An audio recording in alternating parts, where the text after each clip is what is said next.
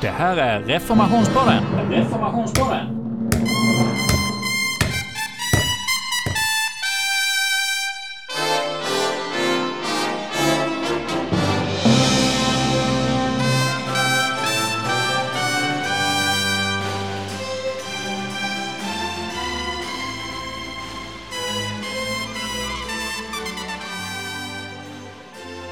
Agne Nordlander. Första frågan är att jag ska be dig presentera dig själv. Ja, jag är en bönhusets son från Norrland som doktorerade på synden som de skrev i Nya Norrland en gång. Eh, jag har rest tre år som resesekreterare i Sveriges evangeliska studentrörelse, Credo som det heter nu. Jag har varit eh, rektor på Johannelunds teologiska institut som nu är en teologisk högskola i 20-21 år. Jag har varit lärare där ytterligare fem år och sen tio år som eh, missionär i Etiopien och Eritrea där jag har undervisat eh, prästkandidater på framförallt Mekanesierkyrkans prästseminarium i Addis Abeba. Mm. Det är vad jag har sysslat med. Och så har jag varit resepredikant under hela denna tid dessutom.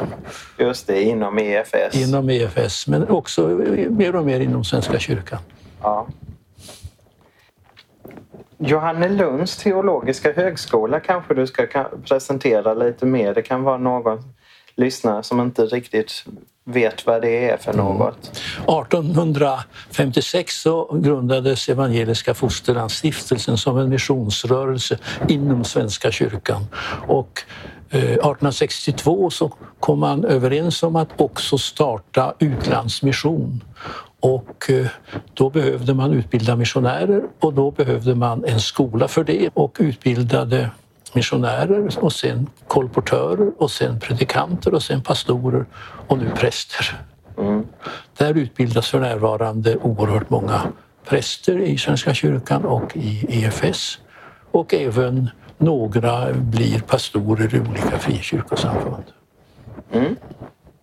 Du har ju skrivit eh, ett antal böcker som har blivit eh, lästa av många personer. Vilka skulle du själv säga är dina viktigaste böcker? Det är klart min doktorsavhandling om Helmut Thielicke, professor i eh, Hamburg och en oerhört dynamisk predikant. Hans sätt att i dagens situation eh, förklara vad som menas med att människan är skapad till Guds avbild och fallen i synd. Detta i dialog med den romersk-katolska kyrkan och med modern naturvetenskap och människosyn. Eh, den boken betyder väldigt mycket för mig själv men den var ju väldigt teoretisk så någon sa att den är bäst som sömnmedel.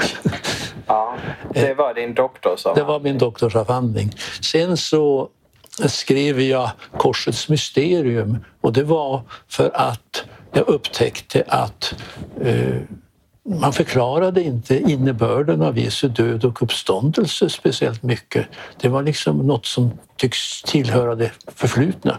Och som lärare då för att utbilda präster och pastorer på Johannelund så beslöt jag att eh, ägna mig åt det. Och sen så skrev jag då fortsättningen, den skulle handla om helgelse och så. Det var mycket svårare tyckte jag rent bibelteologiskt. Eh, så den kallade jag för eh, helighetens återkomst och beskrev Guds helighet så som den framställs i Gamla och Nya testamentet och eh, Guds helighetsnedslag i den troende människan genom den heliga Ande. Och gick, hade en genomgång av Romarbrevet 6, dopet och heligheten. Romarbrevet 7 om samtidigt rättfärdig och syndare och sen Romarbrevet 8 om vad som sägs och lärs om den helige Ande i den kristna människans liv. Eh, det är också en bok skriven för mina präststudenter. Och den tredje boken då som jag brukar lyfta fram det är Väckelse och växtverk som skildrar mina fyra första år i Etiopien och vad jag upplevde och såg där.